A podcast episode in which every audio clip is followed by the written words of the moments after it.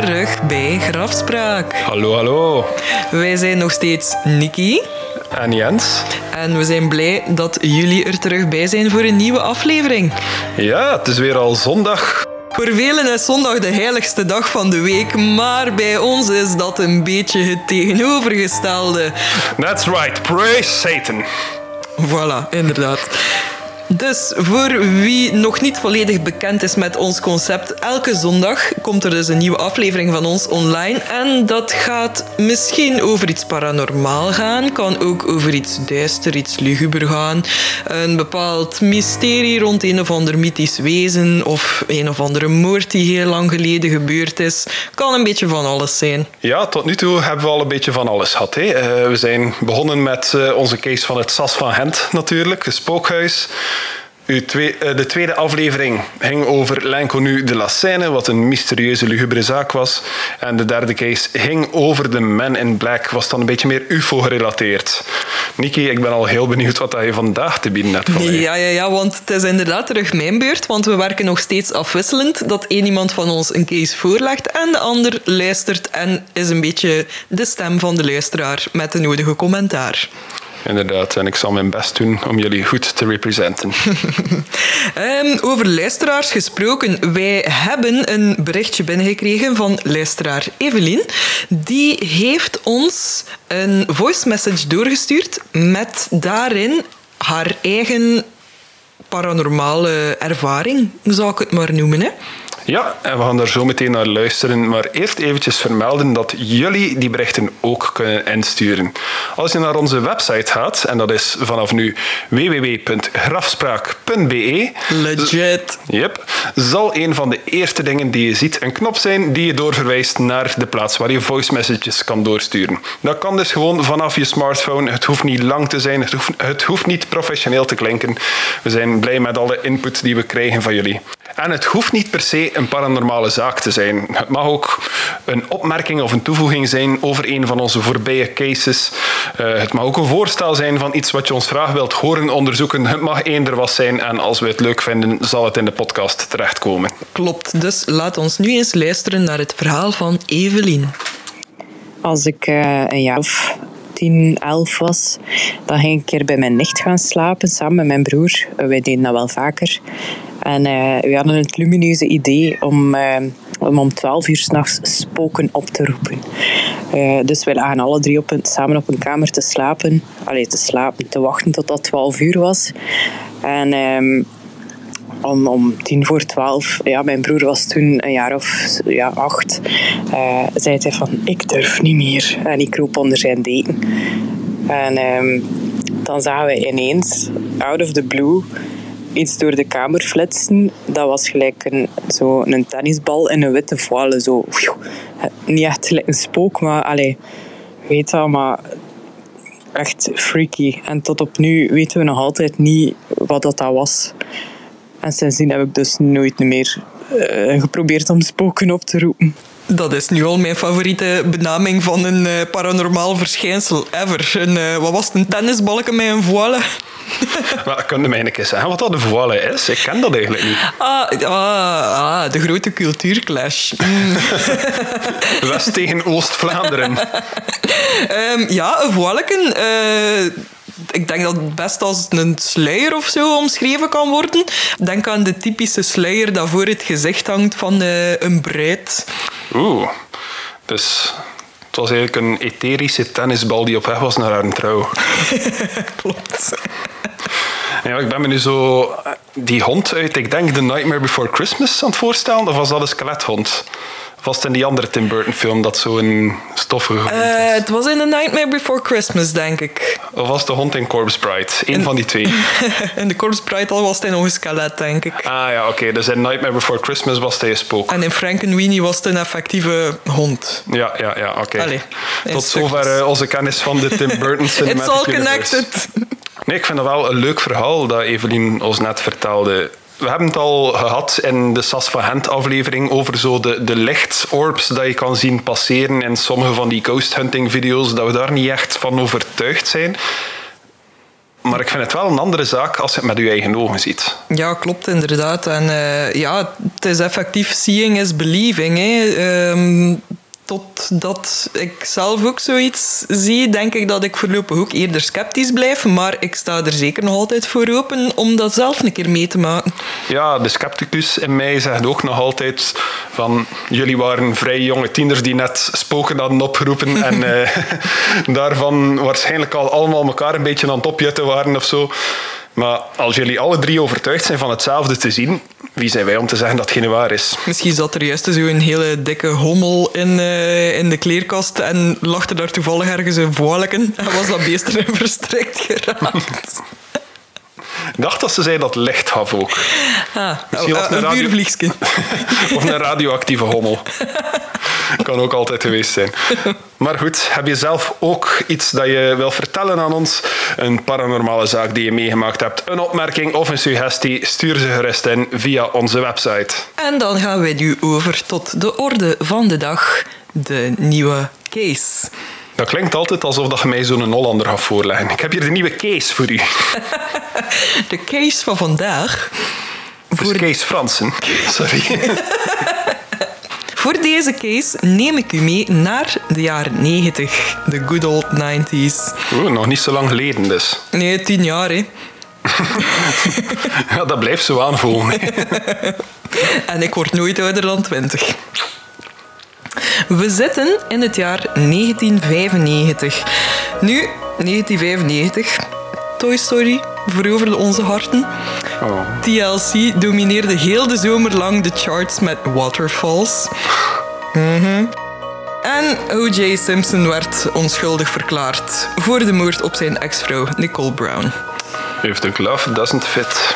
Even een paar wist datjes over 95. Mhm. Maar waarover we het nu gaan hebben, speelde zich ook af in 95. En daarvoor gaan we naar Zuid-Amerika, meer bepaald naar Puerto Rico. In maart van dat jaar werden er op een boerderij plots op één dag tijd acht dode dieren teruggevonden. Nu, het vreemde daaraan was, er waren heel weinig tekenen van een bepaalde aanval.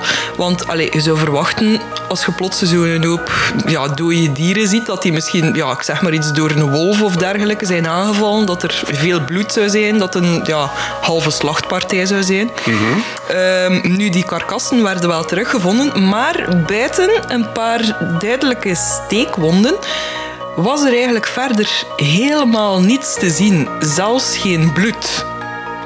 En mag ik vragen, weet je wat voor dieren dat, dat waren? Waren het acht dezelfde soort dieren? Waren het acht verschillende? Het waren acht schapen. Oké. Dus iemand had zin in heel veel kebab. Ja, pak dat zo zot weekend geweest is. Ze zijn allemaal uit geweest en er is nog geen pitazaak in de buurt. Oh nee, de horror. Dan moet je zo DIY doen, hè. Oh, maar dat, was, dat is het beste gevoel, hè, om in het weekend weg te gaan en dan is een goede pita. Allee, ik spreek nu ondertussen ook al over bijna tien jaar geleden. Hè. Even een beetje context. Ook in 1995. Klopt. In augustus van hetzelfde jaar worden er in een dorpje genaamd Canovas, of Canovas, ik heb geen idee of dat ik het nu juist uitspreek of niet, maar het bevindt zich ook in Puerto Rico. Daar worden er nu plots toch wel een drastisch hoger aantal dode dieren op hetzelfde moment teruggevonden. Het zijn er plots 150. Mooi. En ook weer schapen. Uh, wel, het zijn, het zijn boerderijdieren, uh, volgens de ah. bron dat ik gevonden heb. Dus ja, koeien, schapen. Uh, er wordt ook gesproken over kleinere dieren, allez, huisdieren, honden, katten. De typische dieren die eigenlijk ja, op een boerderij zouden leven. Dus eigenlijk zo, herinnert u zo een rond ding dat elk kind heeft met zo alle mogelijke dierengeluiden. Eigenlijk alle prentjes die daarop staan werden dus doodgevonden in die periode. Of zo'n zo een legpuzzel dat je bij de dokter vond. Zo'n ja. zo houten puzzel waar dat je het in het juiste vormje moet steken. Mm Ik probeer al 30 jaar en ooit had ik hem kunnen maken. nu, in dit geval was er zelfs een ooggetuige aanwezig. Voilà. Ja, klopt. Zij zou effectief gezien hebben wat deze slagpartij... Slagpartij. slachtpartij heeft aangericht. Uh, haar naam was Madeline Tolentino. En zij beweert ik zeg erbij beweert, want we blijven natuurlijk sceptisch. Zij beweert dat zij het wezen vanuit haar raam zou gezien hebben. Oeh, en had, had ze daar een beschrijving van? Of een foto of zo? Ah, wel, hé. Houdt u klaar. Ik ga u nu eventjes de foto tonen en voor de luisteraars thuis mag je natuurlijk weer eventjes zeggen wat jij op deze foto kan zien. De foto wordt trouwens ook gepost op onze blog grafspraak.be. Holy shit. Uh, Oké, okay. Ik, ik, vraag me af waar dat ik moet beginnen. Stel je voor dat, uh, dat E.T. een kwaadaardige nonkel had die ook nog een keer een punker was. Het wezen lijkt zo het klassieke alien gezicht te hebben. Uh, heeft een rij scherpe punten, zo precies als een hanekam. Het gaat vanaf, vanaf zijn hoofd tot uh, onderaan zijn ruggengraat, zo te zien. Het staat recht op twee poten. Ik vermoed dat het een soort vacht heeft of zo. Um, het heeft een soort rare klauwen als voeten. En wat mij het meest verbazend lijkt, is dat het precies twee kippenpoten als handen heeft. ja, en geef toe, het ziet er zo uit als, als een tekening dat zo in, in een map zou staan van een 14-jarige puber. Ja, dat zijn de tekeningen dat ik zit te maken in school eigenlijk, wanneer ik niet aan het opletten ben. Nog steeds. Mm Um, dus ja, de, de beschrijving die, die Madeline gaf, uh, zou er dus op neerkomen dat het wezen ongeveer 4 foot, dus een meter 20 ongeveer, zou zijn. Um, enorme ogen, enkel twee gaten waar de neus zou moeten zijn en lopend als een mens op twee benen. De ledematen zouden lang en dun geweest zijn, met aan de uiteindes drie vingers en tenen. En verder zou hij, zoals je al hebt beschreven ook, ook stekels hebben gehad over de lengte van zijn rug. Dus ja, ik weet niet nu dat je de afbeelding al hebt gezien.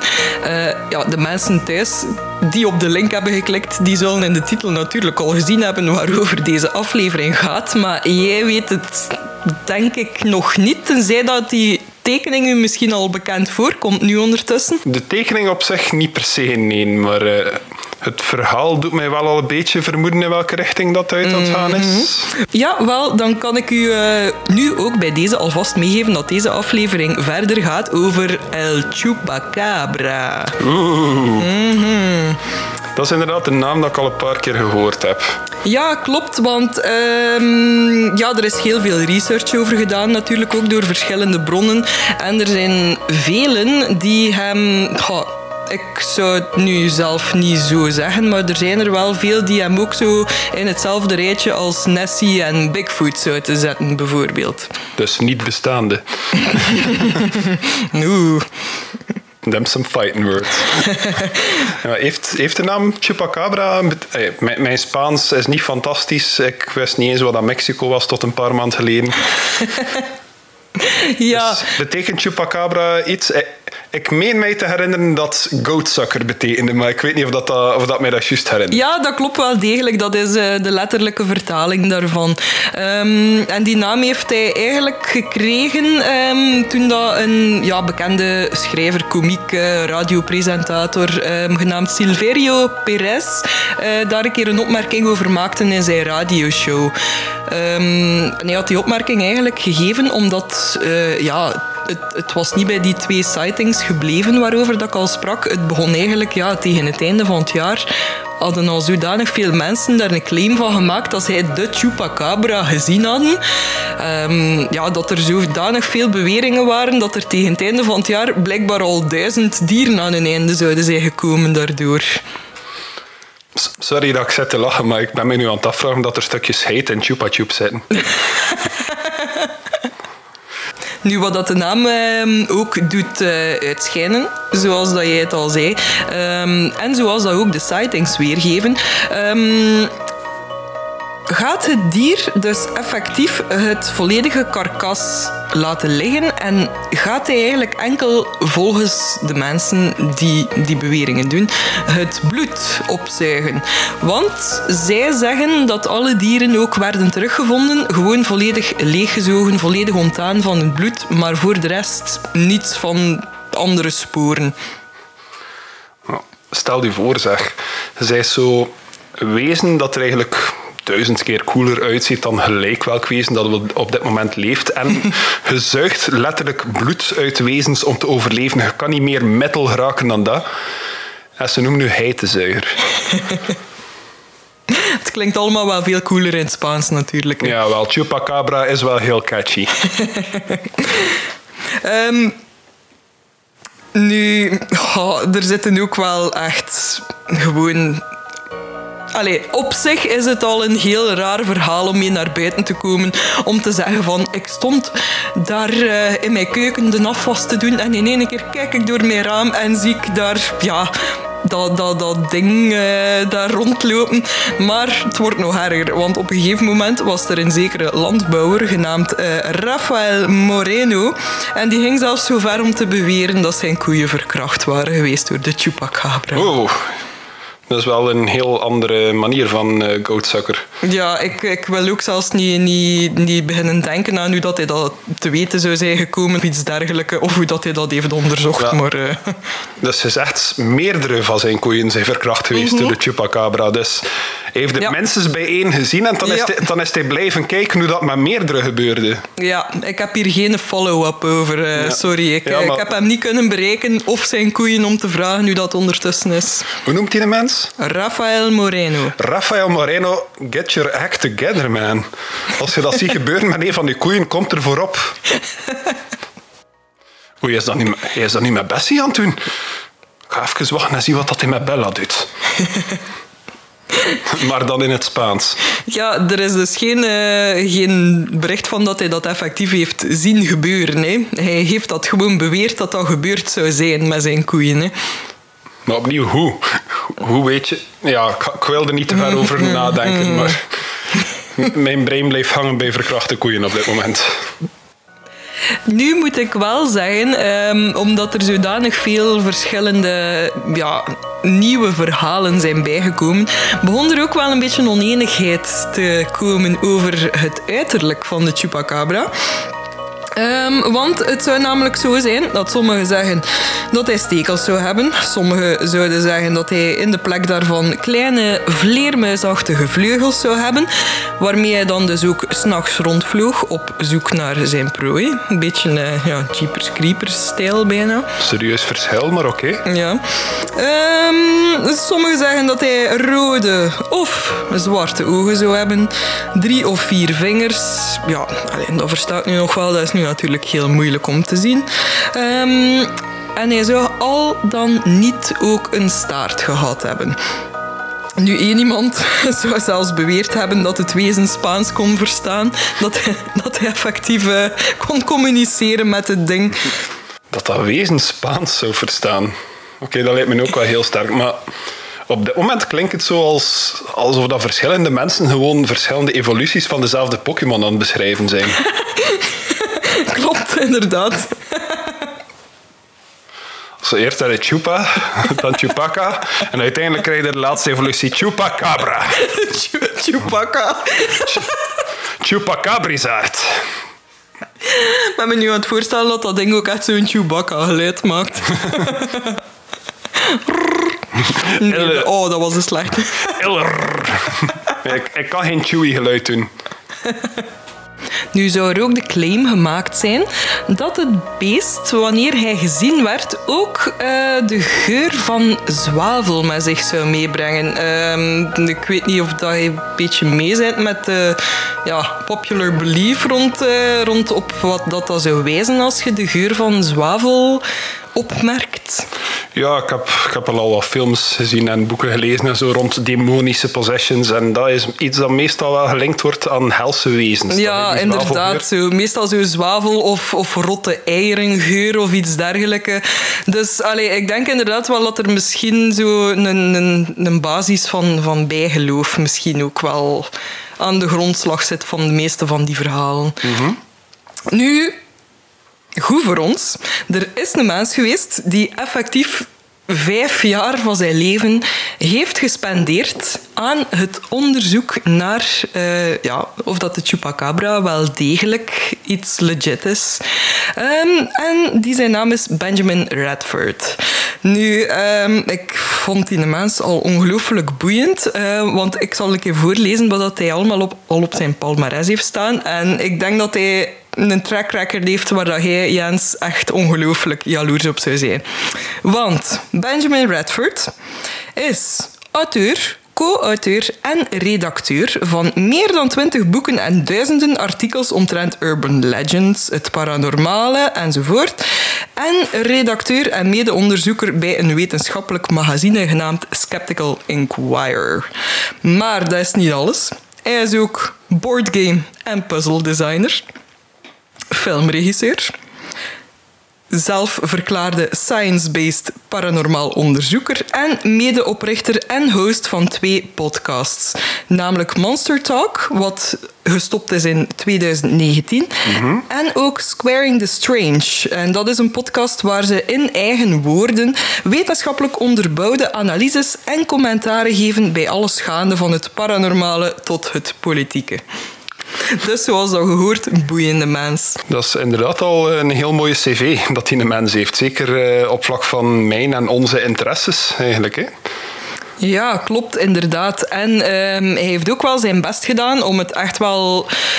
Ja, hoe moet ik het zeggen, met, met een open mind te onderzoeken. Hij ging er niet in met het gedacht van ik ga het hier allemaal proberen te debunken, maar wel van ik ga echt de sightings allemaal stuk voor stuk proberen onderzoeken en kijken of dat er een grond van waarheid in zit.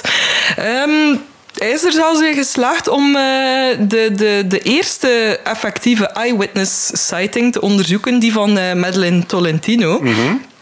Um, nu hm, moet ik zeggen, die bleek helaas vals te zijn.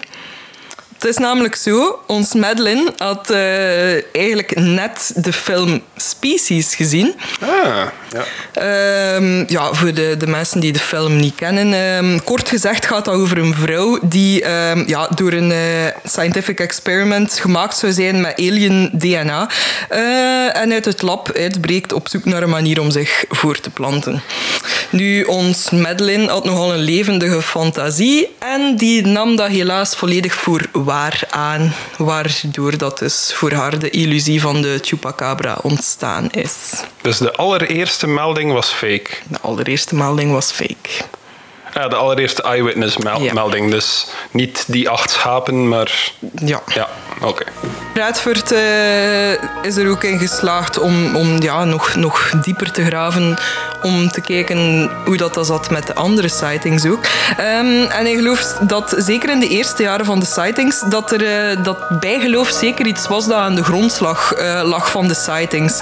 Ehm, want op, ja, op dat moment was er ja, in Latijns-Amerika een... eh, ja, een grudge, zal ik maar zeggen, tegen, tegen de, de US government.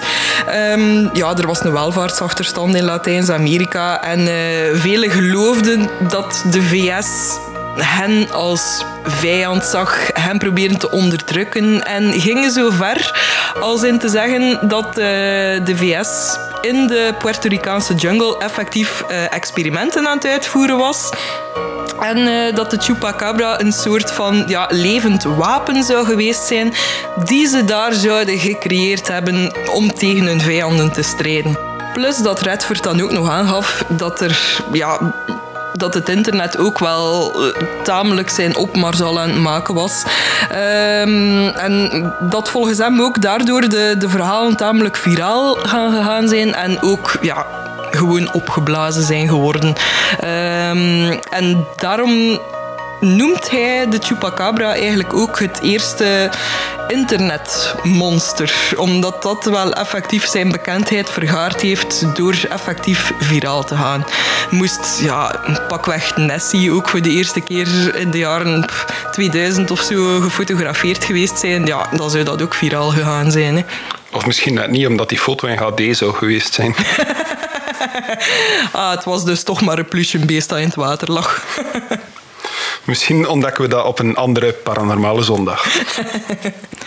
nu, Jens, laat mij zeggen, we zitten eigenlijk nog maar aan de helft ongeveer van het verhaal van onze Chupacabra.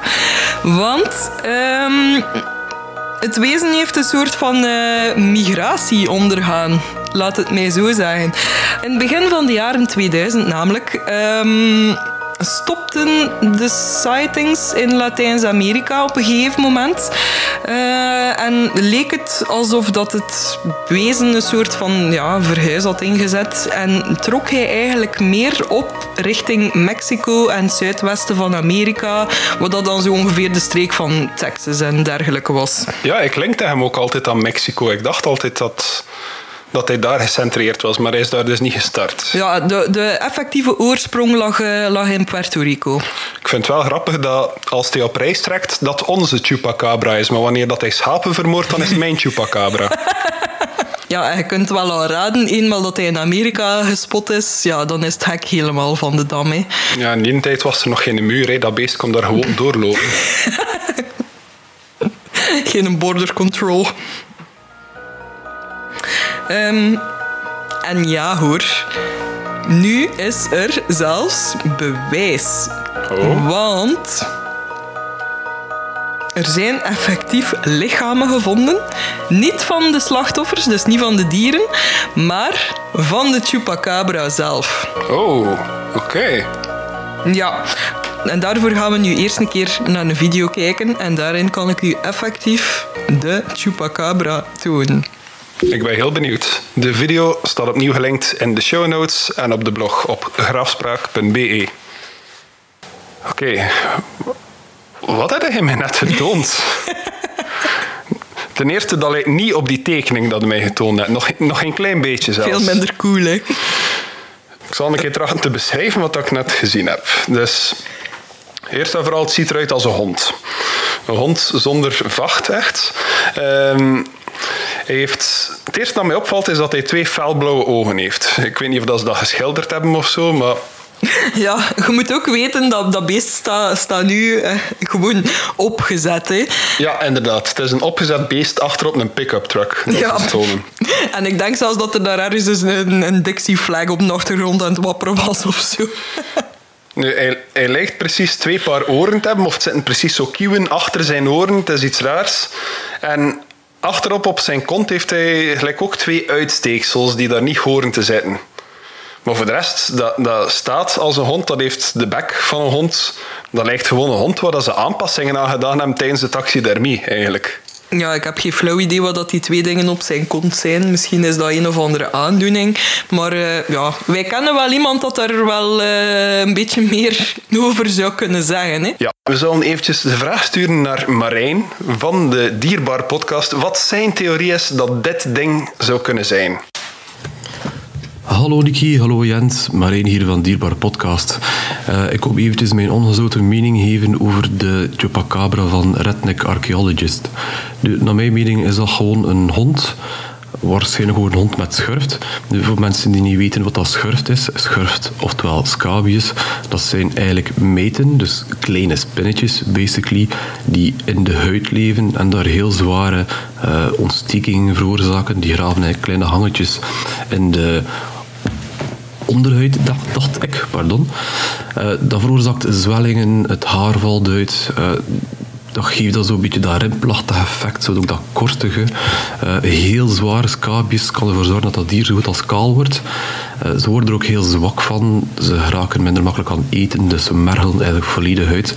Die uitstulping die je ziet op de achterhand, dat is eigenlijk typisch voor honden die te mager staan. Die heupbeenderen steken zo'n beetje uit en als die, gaan, als die veel gaan neerzetten, krijg je daar een soort van eeltvorming en krijg je zo'n beetje die, die, die bobbels daar.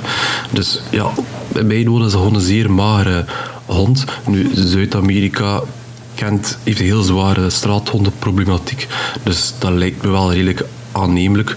Ook stel ik je voor dat je als boer s'nachts hoorde tumult in je uh, heitehok en met een zaklamp schijn en ziet dat beest weglopen, ja, dan kan ik me best wel inbeelden dat je denkt dat dat iets uh, mythisch is.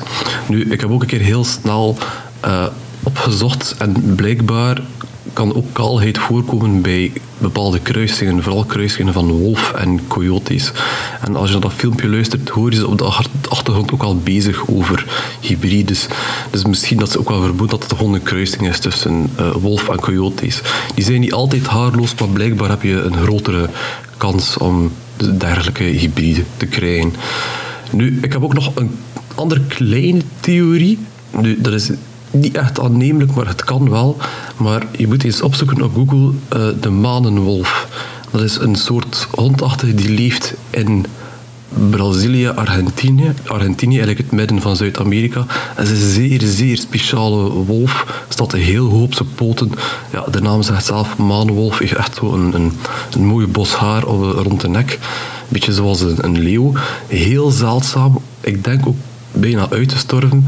En mensen die zo ja, de boeren eigenlijk die niet veel bezig zijn, die eigenlijk continu aan het werk zijn en dus niet echt goed ja, niet bezig zijn met de wereld rondom hem. En ze komen zo'n wolf tegen. Ja, zou eens kunnen zijn als ze aanzien voor de Chupacabra. Uh, en ja, de verhalen gaan verder en gaan zo tot in Mexico. Waar die manenwolf trouwens niet voorkomt, maar het kan misschien wel zijn dat het wel zo daar terecht komt. Goed, dat is mijn mening. Um, nog veel succes met de podcast. Ja, dank u wel, Marijn. Um, dus ja, zoals dat je het volledig beschreven hebt, het uiterlijk van de Chupacabra lijkt nu helemaal niet meer op ja, de, de allereerste sightings in Latijns-Amerika. Ja, dat is helemaal geen alien punker cap. Nee, inderdaad, veel minder cool. Hè.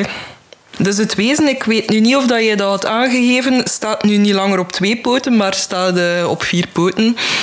Ja. Um, en ja, ziet er gewoon in het algemeen uit gelijk uh, ja, een haarloze hond.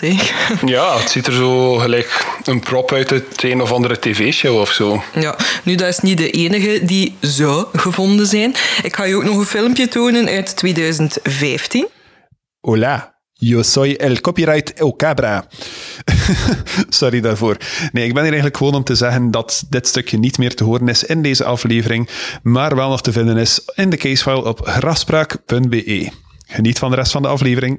Dus Jens, heb nu tussen ja, aanhalingstekens het bewijs nog een keer gezien van uh, nog een chupacabra. Um, ja, zeg maar. Uh, opnieuw was het een hond. Een hond in een diepvries. misschien, misschien een coyote of een wolf of zo, maar het was, het was een soort van hond. Ik weet niet, stop, stop met honden te doden en te zeggen dat het chupacabra is, mensen. Wat scheelt er met jullie? Ja, je zou er inderdaad van verschieten dat er zoveel mensen zijn nodig geweest om effectief na te gaan of dat een hond was of niet. Hè. De chupacabra heeft duidelijk het gezicht van een alien en spikes op zijn rug. Die vrouw van die valse melding heeft dat zo getekend. Wel, maar gelukkig heeft uh, onze grote held van dit verhaal, Benjamin Radford, effectief kunnen concluderen door zelfs een DNA DNA-staal te nemen van de, de eerste chupacabra die we hier in het filmpje zagen. Te die nemen. opgezette chupacabra. Ja, ja. Uh, en ja, conclusie: het waren ofwel wasberen, of honden, of coyotes. Want, of course. Allee. Um, nu, waarom dat ze haarloos waren, dat, daar heeft hij ook um, de, de uitleg voor kunnen geven. Want die dieren zouden gewoon uh, het schurft gehad hebben. Ah ja, dat, ja. Dat ja. verklaart eigenlijk al veel. Ja, dus uh, nee, geen, uh, geen haarloze aliens of iets dergelijks. Het waren honden met schurft. Mm -hmm. Hm. Maar ja, het is Amerika, dus tot op de dag van vandaag zijn er nog altijd mensen aan het claimen dat ze wel degelijk een chupacabra zien rondlopen. Want eh, zelfs tot nu, en daarvoor ga ik u een keer de foto tonen van in 2019, zijn er mensen die beweren dat dat ding zelfs nog in een uh, backyard rondloopt. En ik ben nu even de foto aan het tonen. Dat is een magere hond. Ja. Ik weet niet of dat, dat beest een heid gaat leegzuigen, volgens mij is dat gewoon ja, een- een lelijke windhond, precies. Ja, inderdaad. Oh, het is toch eigenlijk ook erg, maar zo in, in veel van die paranormale sightings en al zijn toch altijd ook zo de boerderijdieren dat, dat de dupe zijn. Hè. Ik, denk, ik denk nu spontaan eigenlijk ook aan, aan, ehm, aan zo de koeien ehm, die dan doodgaan en uit hun lichaam komen zo de, de black helicopters tevoorschijn en dergelijke. Opnieuw voer voor een andere aflevering. ik, ik ben nog vooral aan het denken aan die arme koeien die verkracht geweest zijn. En opnieuw, hoe zou zoiets een koe verkrachten?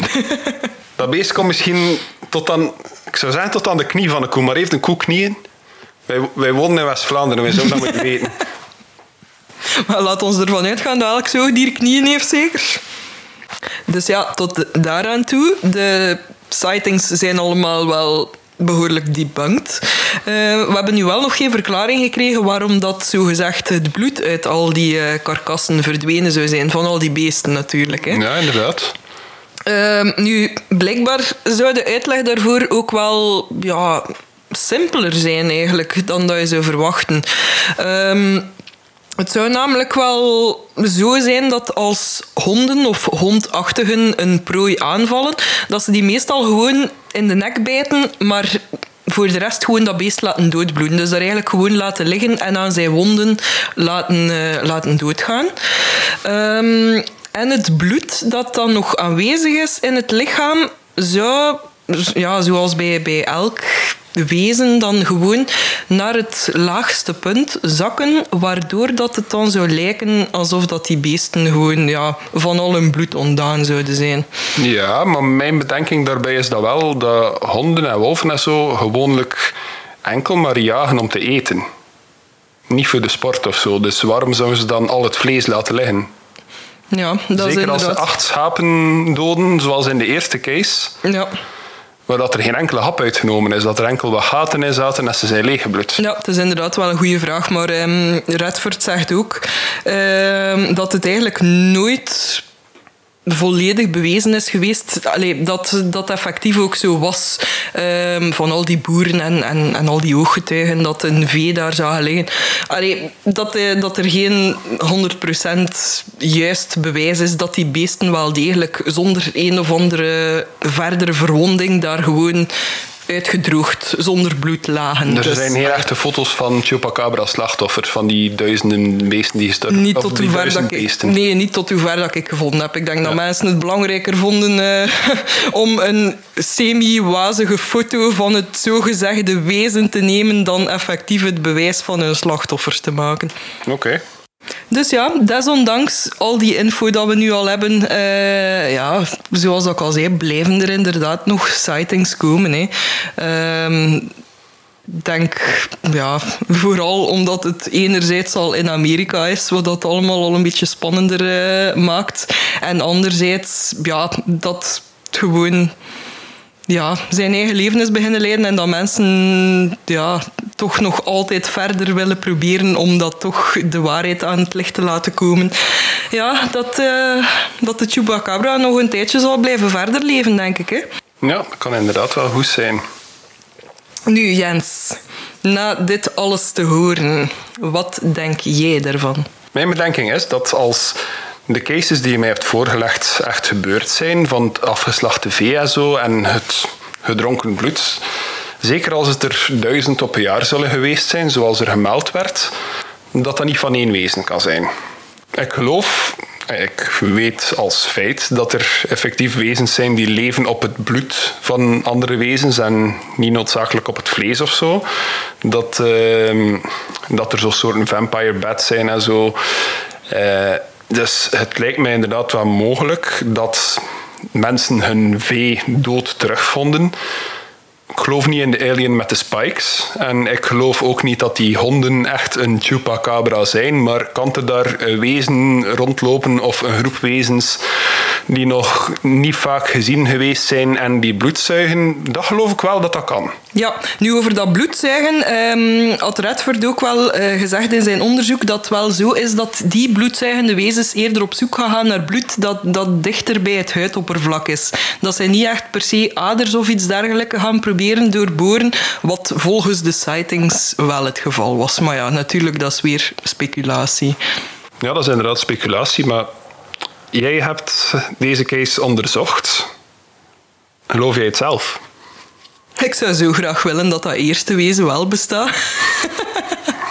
Voor mij is het de samenloop natuurlijk van enerzijds bijgeloof, anderzijds natuurlijk ook ja, die sensatie weer. En allee, al die sightings van begin jaren 2000 zijn duidelijk inderdaad allemaal honden en dergelijke. Allee, voor mijn part kunnen die allemaal al afgeschreven worden. Dat is voor mij al zeker geen chupacabra. Ja, dat is duidelijk het werk van overdrijvers of mensen die een beetje te graag willen geloven. Maar geloof je dat er een paar bloedzuigende wezens kunnen rondlopen in die streken? In die streken weet ik niet, maar er zijn inderdaad, zoals dat je aangeeft, er zijn wel ja, bloedzuigende wezens. Ja, maar dat is als je nu een keer wegdenkt van... Als je nu een keer de sightings wegdenkt die duidelijk debunked zijn. Wat er nog overschiet, is V, dat afgeslacht is geweest of gedood is geweest door onbekende wezens die hun bloed hebben uitgezogen. Ja. Geloofde dat dat waar kan zijn? ik ben mij dan gewoon aan het afvragen van welk wezen zou er, zou er echt een volledige geit of een volledige koe leeg drinken? Wel, hebt, eh, heb het er net ook zelf gezegd. Bloed is zoals eender welke vloeistof. Dat zoekt het laagste punt. Pak dat dat wezen een halve liter bloed heeft uitgezogen en dat beest gewoon heeft laten leegbloeden voor de rest. Ja, tot zover zou ik het inderdaad nog kunnen geloven, inderdaad. Dus in principe kan het wel, is mijn bedenking. ik zou wel graag willen zeggen dat het zou kunnen, ja, maar ja. Oké, okay, laat het zo zijn. Het is misschien geen mythologisch wezen dat inderdaad de chupacabra is en die al die wezens komt leegzuigen of zo. Maar maakt dat het daarom onmogelijk? Nee. Nee, nee, daar heb je een punt. Maar ik vind het gewoon moeilijk om, om de research van, van iemand die letterlijk vijf jaar van zijn leven eraan gewijd heeft, om dat die bunken, om, om die dan zogezegd in vraag te gaan stellen. Daar heb je ook wel een punt. Maar ik blijf wel bij de bedenking. Het is misschien geen mythologisch wezen, maar kan een wezen zijn dat bloed zuigt. Dat kan, ja. Dus weet je wat? Voor mij is het een ja van deze keer. Chupacabra, I'm all in, baby. Hmm. Met alles dat we nu weten, en, en zeker met Redford zijn onderzoek erbij... Oh, hmm. Ik vind het heel moeilijk om hier ja op te antwoorden. Oh. Ik denk dat ik het toch bij een nee ga houden. Voor jou is het een nee? Voor mij is het nee. Voor alle duidelijkheid, ik geloof niet per se dat het een mythologisch wezen is met het hoofd van een alien en met twintig spikes op zijn rug en de poten van een kip. Dat niet. Ik geloof wel dat er wezens kunnen bestaan die wij nog niet kennen, die bloed zuigen en een slachtoffer laten leegbloeden. Als dat wezen nooit ontdekt is, zal dat de stempel van Chupacabra krijgen. Dus wat mij betreft is er een Chupacabra. Alright. En aflevering 4 had dus ook de geschiedenis in. Als de eerste keer dat een van ons zegt dat iets echt is. maar niet die honden. Die honden worden getruckeerd. ja, al die nieuwsberichten kwamen dan ook uit Amerika. Ja. Sorry, zeg nog een keer hoe dat die dame heette van die eerste fake-melding. Uh, Madeline Tolentino. Madeline Tolentino, ik ben nog nooit zo zwaar teleurgesteld geweest in een persoon als in jou. Laten we gewoon voor de helft vanavond nog in naar Species kijken. Ja, goed idee. Goed idee. Bon, dan denk ik eh, dat wij daarmee nu deze aflevering voor vandaag kunnen afsluiten. Zoals altijd vinden jullie ons ook terug op alle sociale media: Facebook, Twitter en Instagram onder Grafspraak. We hebben ook een website, die is www.grafspraak.be. Daar vind je al onze afleveringen, vind je een blog met meer informatie. En je vindt daar ook de link om ons een voice message door te sturen, zodat wij misschien kunnen reageren op jouw vraag of jouw verhaal in de volgende aflevering. Ja, klopt. Maar eh, als je echt een degoe hebt van eh, je eigen eh, te horen in een opname, zoals dat ik soms wel een keer durf hebben, kunt je ook nog altijd mailen naar grafspraak.gmail.com. Dan willen wij graag ook nog iemand bedanken die wij eigenlijk al een hele tijd geleden hadden moeten bedanken. Inderdaad, dat was eigenlijk al de bedoeling sinds de eerste aflevering, maar Ja. wij zijn allebei een beetje vergeetachtig. Sorry soms. daarvoor. Ehm, namelijk een heel grote dank u wel aan eh, muzikaal genie Nick. Ehm, voor sommigen ook wel bekend als eh, de Dungeon Master in de podcast 11 voor 12. Yes, waar zowel Niki als ik ook onze bijdrage aan leveren. Niki dan meer met haar tekentalenten en ik ook met mijn stem en veel ge... eh. Ja, klopt. Nu, de muziek voor eh, deze podcast heeft Nick gemaakt onder zijn pseudoniem Adoniek. Je kan Nick zijn muzikale project terugvinden op Facebook onder de naam Adoniek. Dat is geschreven met Q-U-E, waar je hem kan inhuren voor al jouw muzikale projecten. Dank u wel, Nick. En als laatste, vergeet ons dan alsjeblieft ook in de iTunes-app niet de 5-star rating te geven, zodat we nog een tijdje kunnen verder gaan met dit projectje, want ik heb er nog wel altijd enorm veel zin in. Ja, ik ook heel veel. En wie ons geen 5-star rating heeft, verwacht maar dat al je vee zal leeggezogen zijn tegen de volgende ochtend. En voor degenen die nu heel onze afsluitpraatje hebben doorstaan, proficiat, want ik heb voor jullie nog een klein cadeautje. We sluiten deze aflevering namelijk af met de Robot Chicken Chupacabra rap. Tot de volgende aflevering, iedereen. Eh, nee, nee, Niki, dat, ga- dat gaan we niet doen. Sorry, dit is opnieuw de copyright Ocabra. Maar in plaats van, eh, in plaats van de Robot Chicken Chupacabra rap of whatever dat dit was, krijgen jullie alle voorsmaken naar de toekomst. Want dit is de nieuwe outro die binnen eh, hier en een, ik denk, dertigtal aflevering pas zal te horen zijn voor jullie. Bye!